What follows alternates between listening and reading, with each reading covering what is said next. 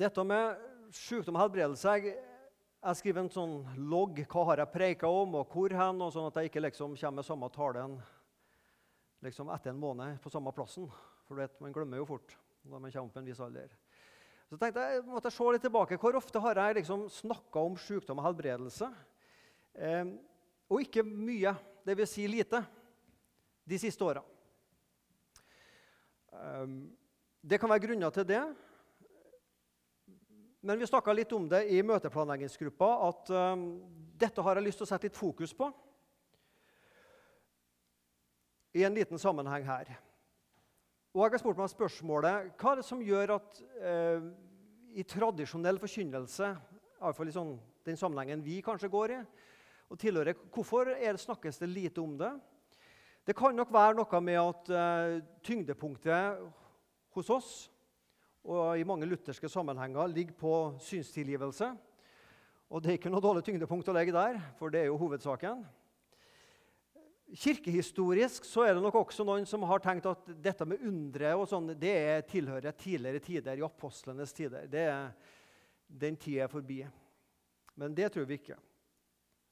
Så har vi nok kanskje også en tendens til å åndeliggjøre sånn helbredelsesfortellinger. Hvis du tenker etter vi har hørt gjennom oppveksten eh, om spedalske som kom til Jesus. Og da er det ofte at vi har alle på en måte en, vår, vår synd er en spedalskhet som skiller oss fra Gud, og så får vi komme til Jesus med vår synds spedalskhet. Og Det er ikke feil å si det sånn, men teksten handler jo om helbredelse. Og så går dette også litt i bølger, tror jeg. Da jeg studerte teologi en gang i forrige årtusen, 80-90-tallet, så var dette med herlighetsteologi veldig i vinden, med tegn og under. Og kanskje skapte en motreaksjon hos enkelte at liksom det ble overdrevet, så da må vi liksom være litt forsiktige for å få litt sånn balanse på det. Kanskje det. Og hvis vi tenker tilbake på de siste åra med helbredelsespredikanter som flyes inn fra USA eller Nigeria eller andre land, eller også i Norge, og kombinasjon helbredelsesforkynnelse, TV, penger, forbønn, løfter om helbredelse hvis du bare gir Og det er nesten ikke karikering, det jeg sier engang. Så kjenner vi at dette gjør oss veldig betenkt. Nå har jeg vært i Misjonssand siden 2008, i godt elleve år. Jeg har snakka med mye mennesker. Um, og jeg har fått, eh, hørt en del historier, også sykdomshistorier. Så jeg, jeg satte meg ned litt og tenkte hva er det på en måte folk har fortalt meg, eller noen har fortalt meg om andre, om sykdom blant medlemmer i Misjonssalen? Og jeg begynte å skrive ned og tenkte jeg, dette ble en lang liste etter hvert. Kanskje syns du det er rart nå, den lista som kommer på veggen her. Men dette sier noe om mennesker i menighet, og at vi også erfarer og opplever sykdom. Aspergers syndrom, astma, autisme. Nå ser dere Jeg har skrevet sykdommer og skrøpeligheter. Noe av dette er jo ikke akkurat sykdommer. Barnløshet er jo ikke en sykdom, men skal vi si en skrøpelighet. Bekterevs, beinskjørhet, betennelser ulike steder i kroppen, bipolar, bipolar lidelse, eh, blodtrykk, helst for høyt, da, diabetes, epilepsi, fibromyalgi, glutenintoleranse, hjerneslag, hjerneblødning, hjerneskade, hjerteproblemer, hjerteslag, kreft ulike typer, laktoseintoleranse, ME, utmattelsessyndrom, morbus Crohn, som er en tarmbetennelse, nakkeskade, organmangel, paranoide tanker, psoriasis, psykiske sykdommer og psykiske plager, ryggproblemer, ischias, eh, eh, sarkodiose, det handler om lunger og pust, sosial angst, søvnapne, tinnitus, tumor, ulike svulster, øyesykdom. Welcome to reality. Velkommen til Misjonssalen 2008-2019. Vi skulle ønske at dette ikke var.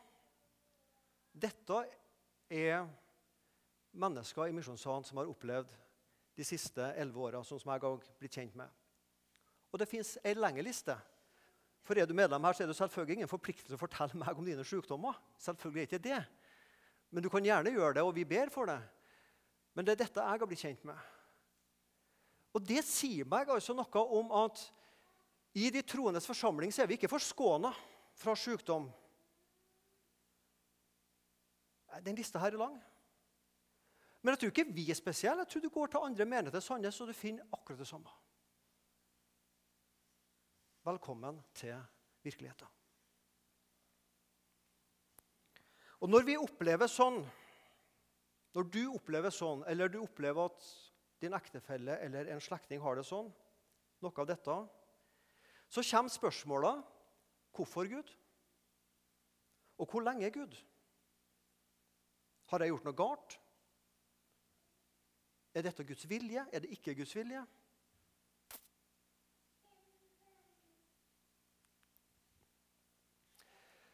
Det står mye om sykdom og helbredelse i evangeliene. Spesielt i, eh, i evangeliene, de fire evangeliene. Markusevangeliet er 16 kapittel. Vers, kapittel 11-16 er lidelseshistorien, altså påska. Men fra kapittel 1 til kapittel 10 så står det om helbredelse eller demonutdrivelse i alle kapitler, unntatt kapittel 4, som handler om noen lignelser. Det vil si, Hvis du begynner å bla i evangeliene, det står mye om sykdom og helbredelse. Og Jesu liv, det var, det var de ordene han preka, de ordene han sa, hans lære. Bergprekene, f.eks. Det var tegn og under, sykdom og helbredelse, demonutdrivelser, naturundre. Og det var lidelse, død og oppstandelse. I kortversjon så har du på en måte Jesu liv i disse tre punktene der. Hvis vi går til Det gamle testamentet, så finner vi noen, noen helbredelsesfortellinger og dødeoppvekkelser. Ikke mange, men du finner noen. I evangeliene finner du veldig mange. Går du til brevlitteraturen, Paulus, Peter osv., så, videre, så er nesten dette temaet ikke berørt i det hele tatt. faktisk. Bare så vidt. Vi skal lese en god del bibelvers sammen, faktisk. Faktisk, det var litt dumt sagt. Eh, naturlig nok. Når du er med en tale, så leser du jo bibelvers. Vi skal lese et litt lengre avsnitt i starten, fra Markus kapittel 1, vers 29-42. Straks de var kommet ut fra synagogen, gikk de inn i huset til Simon Peter og Andreas sammen med Jakob og Johannes. Simons svigermor lå til sengs og hadde feber, og straks talte de til ham om henne. Jesus gikk bort til henne, grep henne i hånden og reiste henne opp. Og feberen forlot henne, og hun tjente dem. Men da de var blitt kveld og solen var gått ned, brakte de til ham alle som var syke, og de som var besatt av vonde ånder. Og hele byen var samlet utenfor døren. Han helbredet mange som led av forskjellige slags sykdommer, og drev ut mange onde ånder. Men han tillot ikke ånden å tale, for de kjente ham. Tidlig om morgenen mens det ennå var ganske mørkt, sto han opp og gikk ut. Han dro bort til et øde sted og ba der. Simon og de som var sammen med ham, skyndte seg etter ham. Og de fant ham og sa til ham, 'Alle leter etter deg.' Han sier til dem, 'La oss gå til andre steder, til småbyene her omkring, så jeg kan forkynne ordet der også.' For det er derfor jeg er kommet. Så drog han omkring i hele Galilea og forkynte i synagogene deres og han drev ut de onde ånder. Da kom en spedalsk til ham. Han ba ham og falt på kne for ham og sa, 'Om du vil, så kan du gjøre meg ren.' Jesus fikk medynk, medfølelse med ham, rakte ut hånden, rørte ved ham og sa, 'Jeg vil bli ren.' Og straks forlot spedalskheten ham, og han var ren. Altså der, Bare i noen få vers så står det om flere helbredelser og demonutdrivelser. Så Markus har mye om det.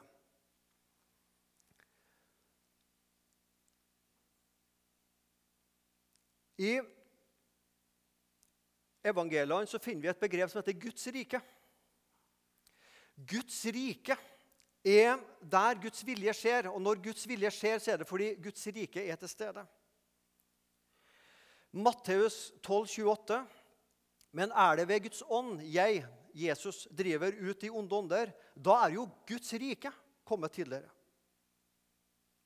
Og Noen år senere Peter vitner til Kornelius, denne hedningen, og forteller om Jesus at Gud salvet Jesus fra Nasaret med Den hellige ånd og kraft, han som gikk omkring og gjorde vel og helbredet alle dem som var underkuet av djevelen, fordi Gud var med ham.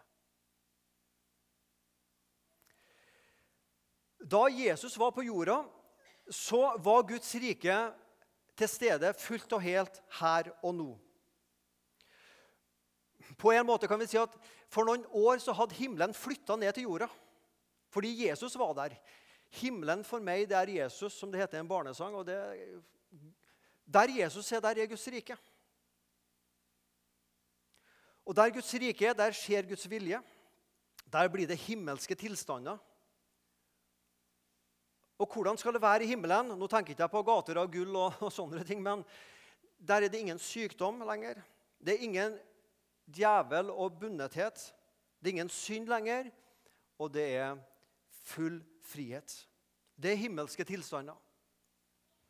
Der Jesus er, der Guds rike er.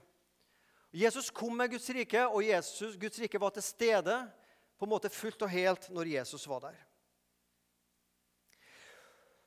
Og når Jesus er i en synagoge, som det står om i Lukas kapittel 4, så sier Jesus følgende.: Herrens ånd er over meg, for han har salvet meg å forkynne evangeliet for fattige. Evangeliet er for syndere som deg og meg. Han har sendt meg for å forkynne at fanger skal få frihet, blinde at de skal få syn, for å sette undertrykte fri, for å forkynne et nådens år fra Herren. Det var Jesu programerklæring. Det er derfor jeg er kommet. Jeg er altså kommet også for at blinde skal få syne. Og igjen, Vi kan godt bruke det i overført betydning at vi som er åndelig blinde, vi skal få se Jesus. Men også konkret at blinde fikk syne. Og det leser vi om i evangeliet. I Jesus så bodde Gudsrikets krefter fullt og helt. Og alle som Jesus kom i kontakt med og ba for, som var syke, da, ikke sant, ble friske og frie. Jesus helbreda ikke alle i Israel. Men alle som kom til han og ba om å bli friske, de ble friske. Det står en plass at Jesus helbreda en ved Betestadammen. Men det står ikke at han sprang rundt over hele Betestadammen og helbreda alle. Det kunne jo Jesus ha gjort når han først var der. liksom. Det var jo mange syke der som ville først ut i vannet for å bli frisk. Når en Herrens engel steg ned. Denne fortellinga. Men de som kom til Jesus og ba om helbredelse, de ble friske. Jesu gjerning og oppgave var å bringe Gudsrikets tilstander til mennesker. Nå skal vi hoppe til Gammeltestamentet, til Jesaja 53, vers 3-5, som er en profeti, en fortelling om Jesus på korset. Foraktet var han og forlatt av mennesker, en smertenes mann, vel kjent med sykdom. Han var en som folk skjuler sitt åsyn for. Foraktet var han, og vi aktet ham for intet. Sannelig, det var våre sykdommer han har tatt på seg, og våre piner har han båret. Men vi aktet ham for plaget, slått av Gud og gjort elendig. Men han ble såret for våre overtredelser, knust for våre misgjerninger. Straffen lå på ham for at vi skulle ha fred, og ved hans sår har vi fått legedom. Dere ser jeg har strekene litt der. Fått legedom. Har, våre sykdommer har han tatt på seg. Det står litt ulikt i ulike bibeloversettelser.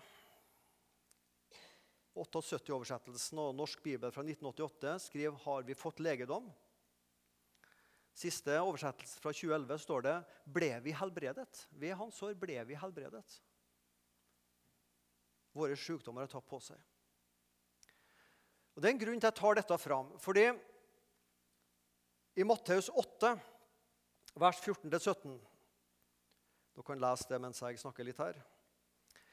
så, så er det fra den fortellinga vi la oss om litt tidligere, når Jesus helbreda Peter sin svigermor. Um, så skriver Matteus at dette på en måte skjedde, da ble det oppfylt det som er talt ved profeten Jesaja. Um, at han tok på seg våre plager og bar våre sykdommer. Og ut fra dette så mener da enkelte at på korset så tok Jesus på seg all verdens sykdom. Ikke bare all verdens synd, men også all verdens sykdom. Sånn at når vi ber om tilgivelse pga. at Jesus sona synda vår, så blir vi tilgitt. Og på samme måte så kan også vi, fordi Jesus tok vår sykdom på korset, når vi ber til Han, bli helbreda. Altså samme mekanisme. Ber du om tilgivelse pga. korset, så blir du tilgitt. Ber du om helbredelse pga. korset, så blir du helbreda. Og hvis du ikke blir helbreda, hvem sin feil er det da? Jo, det er din feil. Dette er det noen som tenker, som har teologi for. Man tenker at sykdommen var med på korset, slik at helbredelse er en like naturlig del av korset som synstilgivelse. Jeg deler ikke denne tanken fullt og helt. Det gjør ikke jeg. Synd må sones. Og korset er soningsstedet. Og Da stiller jeg et retorisk spørsmål. Må sykdom sones? Skal du ha dårlig samvittighet overfor Gud fordi du er syk? Svaret er opplagt nei. Sykdom trenger ikke å sones, men synd må sones. Synd skiller et menneske fra Gud, men sykdom skiller ikke deg fra Gud.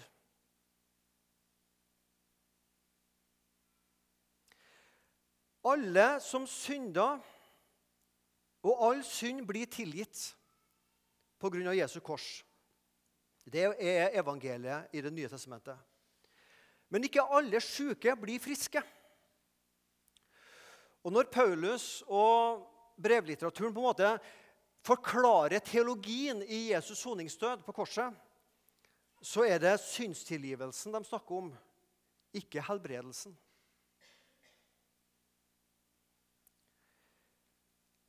Og her er det om å holde litt flere tanker i hodet samtidig.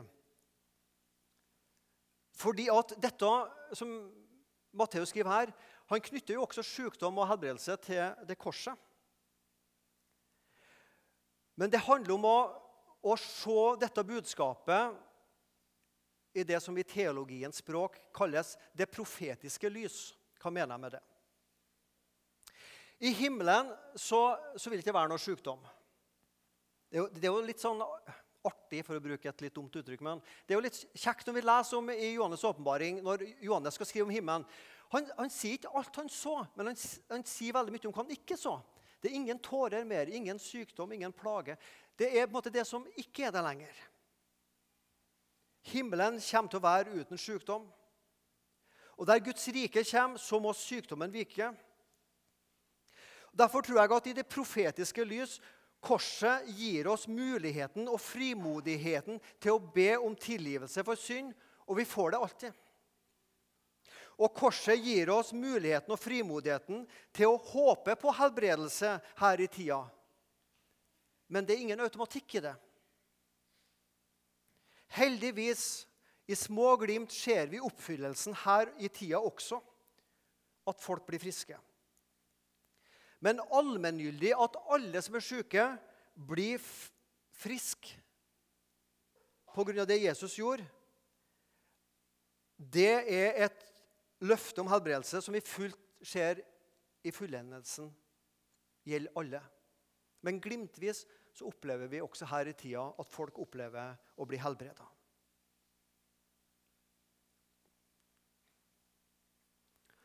Og Da er vi litt inne på det her med sykdom og tro. Og Det er ikke bare et sånn teologisk tema, men det er jo også et sjelesørgerisk tema. Har du tro for å bli helbreda? Jeg vet ikke om jeg har fått det spørsmålet, men det kan hende at du har fått det, eller du kjenner noen som har fått det spørsmålet. Har du tro for å bli helbreda? Og da, da, da, vil man jo naturlig nok tenke Har jeg tro nok for å bli helbreda? Og så ble jeg ikke helbreda. Og da ble konklusjonen jeg ble ikke frisk fordi jeg ikke trodde nok eller jeg ikke trodde rett. Det blir en naturlig konsekvens av denne tanken. Hvor avhengig var Jesus av tro når han helbreda? Jesus sier jo, 'Reis deg, din tro har frelst deg'. Sa jeg deg ikke at dersom du tror, så skal du se Guds herlighet? Alt er mulig for den som tror. Alt er mulig for den som tror. Og så blir det ikke sånn som jeg hadde håpa på. Jeg får ikke det der til, Jesus. Det er jo nettopp det som jeg ikke får til å tro. Og så resignerer du. For troa ble et krav. Å få til å tro. Og når du ikke ble frisk, eller ektefellen din døde av sykdom, som flere som sitter her i salen, har erfart, så kan da denne tvilen sige på Ba vi nok? Hadde ikke vi nok tro? Gjorde vi noe feil? Var det noe synder inne i bildet som vi ikke hadde? Hva, hva var det, Jesus? Og så blir på en måte troa sånn uopp... Altså, lista legges så høyt at troa blir et umulig krav å komme over.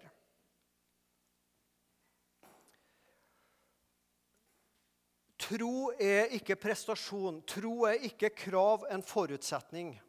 Tro er en gave. Tro er en gave. Hvor avhengig var Jesus av tro? Det er lett å tenke det at alle plasser det står om helbredelse i Nytestamentet, i evangeliene, så, så på en måte snakker Jesus om tro til dem som ble helbreda. Det finnes ca. 40 helbredelsesberetninger i evangeliene. Enkelte er jo skrevet om flere plasser, men når du teller dem enkeltvis, ca. 40. Og tro, altså ordet tro, er uttrykkelig bare nevnt i ca. 5-10 av disse fortellingene at vi, at vi spesifikt leste at den syke hadde tro. Det er spesifikt bare nevnt i en 5-10 av disse ca. 40 helbredelsesberetningene. Og I ca. 20 av dem så er tro ikke nevnt i det hele tatt, verken direkte eller indirekte. Og Min konklusjon dette er jo å dra en kjapp konklusjon, men ut fra det jeg leser om helbredelsesberetningene i evangeliene, så er iallfall min tanke at Jesus han var og han er fortsatt fri til å helbrede hvem han vil, når han vil og hvor han vil, uavhengig av menneskets styrke av tro. Vi oppfordres til å ha tro til Gud. Men var det vår styrke av tro det kom an på? Ja Så kjente mange at vi spilte for litt på troa. Kanskje har du hørt navnet Joni Eriksson. Jeg tror kanskje For oss med 50 pluss så har noen av oss hørt. Hvis du ikke har hørt om det, så kan det være at du er under 40, muligens. Jeg skal ikke ha hele hennes historie, men, men hun, kortversjonen er at hun i sin ungdom eh, bada og stupa og knakk nakken og ble sittende i en rullestol for resten av livet. Jeg har blitt en sånn kjent kristen person i USA. For en del år siden var hun med på en stor konferanse i Amsterdam for 10 000 eh, kristne ledere og snakka litt om det her med å ikke har blitt helbreda. Jeg skal lese litt fra et stykke jeg fant om henne.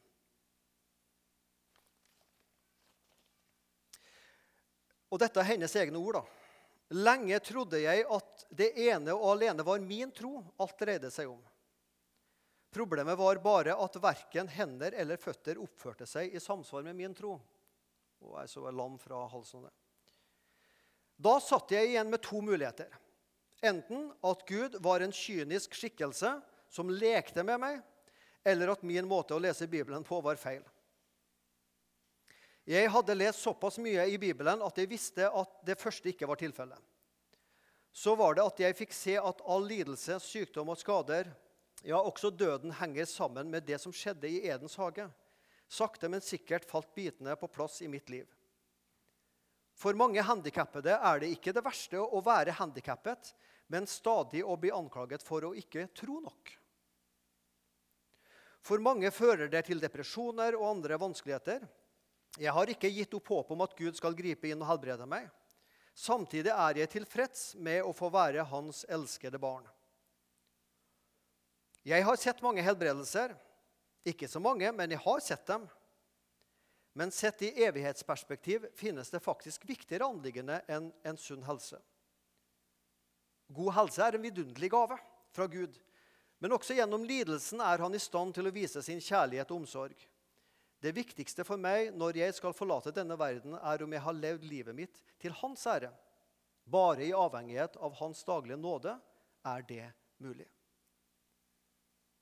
Lite utklipp fra en lengre tale holdt. Og Dette er ikke herlighetsteologi, dette er korsteologi. Man leser sitt liv i lys av Jesu kors.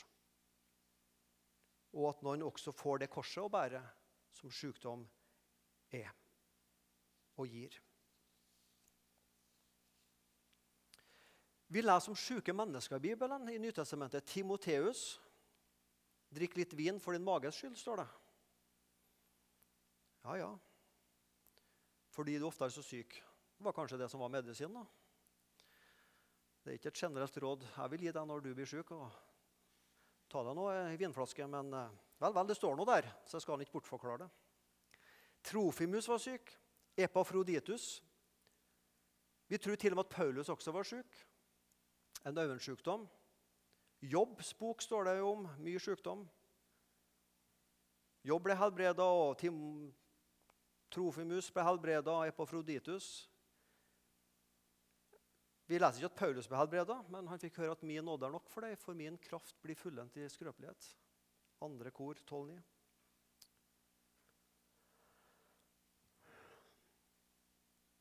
Dette med sykdom og helbredelse er ikke bare et teologisk tema. for det, det angår jo våre liv.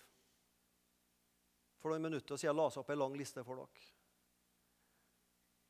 Og jeg vet at dette er jo tett på livet til mange av dere. Det er flere her som har mista ektefelle i sykdom. Det er flere her som har mista en forelder i sykdom. Og Da er det siste jeg skal gjøre, komme lettvinte svar. Dette ble et lite teologisk dypdykk. Ikke så veldig dypt, da, men litt blir det. Noen bibelvers. Og Så skal dere få høre altså på onsdag og søndag om to uker to historier. Men jeg har lyst likevel å avslutte med å si noe om hva skal vi som menighet gjøre, hva skal vi som enkeltkristne gjøre, og som menighet gjøre med sykdom og helbredelse, sånn at det ikke bare blir et tema som blir tatt opp en gang hvert tiende år. Men at dette, kan, dette med helbredelse kan bli en gradvis en mer naturlig del av vårt liv, av vår menighetsliv. Hva skal den som er syk, gjøre, som har vært syk, kronisk syk i mange år? Lev i håpet. Lev i håpet. Fortsett med å be om helbredelse. Og vær frimodig med å be om helbredelse. Jeg vet jeg har nevnt denne historien her før, men um, den er ikke så veldig lang, så tar den igjen. For noen år siden hørte jeg på radio var intervju med ei kristen dame som har vært syk i mange år. Så spør han eh, som intervjuer henne, om ikke hun hadde lyst til å be om helbredelse. Og Så svarer hun på en måte som, i følgende måte at nei, det var så mange andre hun visste om som hadde mye alvorligere sykdom enn hun, så hun hadde ikke frimodighet til å be for sin egen del. Og jeg husker jeg tenkte nei, nei, nei. Det er jo ikke sånn at liksom, hvis, hvis jeg bruker Guds helbredelse, så blir det litt mindre på de andre. Det er jo ikke sånn, det. Altså Du som er syk eller kjenner noen som er syk, be. Fortsett å be. Vi, det, vi trenger ikke å liksom unnskylde oss når vi kommer til Gud. Kjære Gud, jeg kommer en gang til med sykdommen min. Ha nåde med meg at jeg kommer en gang til. Så ja, Nåde må jo Gud ha med oss, men vi trenger ikke å unnskylde oss for å be om helbredelse. På ingen måte. Lev i håpet, be om helbredelse frimodig. Og så må noen lære å leve også med sykdommen. Man ble ikke kvitt sykdommen. Har Gud en høyere mening med det? Er det Gud som egentlig vil dette her, selv om Gud egentlig vil helbrede med, med meg? Og igjen, Jeg har ikke lyst til å gi en enkle svar på det. Og jeg, jeg, er ikke en som står og sier at Gud sender sykdom. Men jeg, jeg, jeg snur litt på flisa nå uten å gi et svar, men jeg stiller et retorisk motspørsmål. Altså, nei, Jeg sier ikke at Gud sender sykdom, men blir det lettere for oss å tenke at um, når en person er syk og dør av sykdom, så var det den onde som fikk viljen sin til slutt? For det er jo han som står bak det. Blir det lettere for oss å tenke det den veien? Jeg er ikke så sikker på det. Jeg tror Gud kan gi styrke til å leve også med sykdom. Og så skal vi glede oss over den som er syk, skal også vi alle få glede oss over at noen blir friske her i tida, og en dag så skal den syke reise seg fra rullestolen, som er et sånt eksempelbilde her, og bli helbreda og gå inn i himmelen full og frisk. Det venter en fullstendig helbredelse. Men vi ønsker å se mer av det her i vår tid. Uten at det skal bli en sånn svær baluba-sak av det. Alle kristne kan vi be for og med hverandre. Noen har vært frimodige i løpet av disse årene jeg har vært her og delt bønneemner med meg om sykdom. Kan du be for det og det? Ja. Om min bønn har hjulpet, det vet jo ikke jeg så mye, men, men jeg syns det er fint at vi kan dele med hverandre, be for og med hverandre, også med det som har med sykdom å gjøre. Men også i forsamlinga. Kom til forbønn for sykdom. Forsamlinga, alle kristne kan be for sykdom. Og så står det i 1. Korinterne 12,9 om nådegaver til å helbrede. Og Der er det en liten interessant ting. Ehm, det står om nådegaven til å gi, nådegaven til å lede, nådegaven til ditt og til datt. Ja, ditt og datt står ikke men i sånn tungetale, og mange nådegaver. Men når det gjelder helbredelse, så står det nådegaver til helbredelse. Det er den eneste plassen det brukes flertall, flertallsformen. Det fins altså kanskje flere nådegaver innenfor helbredelse. Jeg, jeg, har ikke noe veldig lys over det, om det fins sånn spesielle nådegaver for å be om for den type sykdom eller den. Men det står der altså nådegaver til helbredelse. Kanskje fins det en nådegave til å be for fotballfeber, for alt jeg vet. Men det fins også flere nådegaver til helbredelse. Og jeg ønsker å se mer av det i vår forsamling. At vi kan be frimodig at Gud kan utruste oss, at det er personer her som har nådegaver til å, helbrede og be for. At dette vokser fram på en naturlig og sunn og en god måte blant oss. Og I Jakob kapittel 5, vers 13, så står det om å salve syke. Den syke skal tilkalle seg menighetens eldste og skal salve og be over han. Jeg synes det er noe fint sånn som det står. Det står den syke skal tilkalle seg menighetens eldste, altså lederskapet, og salve og be. Det står ikke at menighetens eldste skal være på desperat jakt etter noen syke å be for. Det står at den syke skal invitere menighetens eldste til å salve og be over seg. Dette er en gave som er gitt til menigheten. Det er ikke ofte jeg har praktisert den. Jeg har praktisert den også her i Misjonssalen men jeg gjør det gjerne mer. Hva skal vi gjøre framover? Vi skal fortelle ærlige historier om sykdom og helbredelse, eller sykdom og ikke-helbredelse. Og Vi skal ikke legge noe krav om tro eller noe, legge lista på en sånn måte overfor hverandre at dette med at man sitter og føler på at man er en dårlig kristen hvis man er syk eller ikke blir frisk. Men jeg tror det, noe av det viktigste vi, viktigste vi kan gjøre, det er at vi ber for med hverandre. Det at du frimodig ber for deg sjøl når du er syk, eller noen du kjenner når de er syke, uten å skjemmes over det. Det at vi sammen ber om at Gud skal utruste misjonssalen med nådegave til helbredelse. Og at vi bruker salving for syke når noen ønsker det. Så tror jeg dette kan vokse fram på en sunn og god måte, og at vi kan se mer av Guds rike noe glimt av Guds rike, noe smak, noe prøvesmaken av Guds rike allerede her i tida i misjonssalen blant syke. at dette skal vokse fram blant oss. Det er mitt bønn og min ønske. Kjære Herre Jesus Kristus, dette er et stort og vanskelig tema. Og det er mye som kunne vært sagt. Men gi oss frimodighet til også å be om helbredelse. Og tro at du som kan helbrede, du vil helbrede, og du kan gjøre det i dag. I 2019 i Sandnes. Det er ikke bare noe som skjedde før i tida, men det er noe som kan skje i dag. Hjelp oss til å oppmuntre hverandre på dette området, og hjelp oss til å være gode mot hverandre. Og når noen blir syke og ikke blir friske, at man kan få hvile i at man er elsket av deg og omsluttet av din kjærlighet, også om sykdommen ikke slipper taket. Og Var det noe Jesus av det jeg sa i dag som du mener var bare dumt sagt, så får du stryke det ut av minnet på dem som har hørt på. Amen.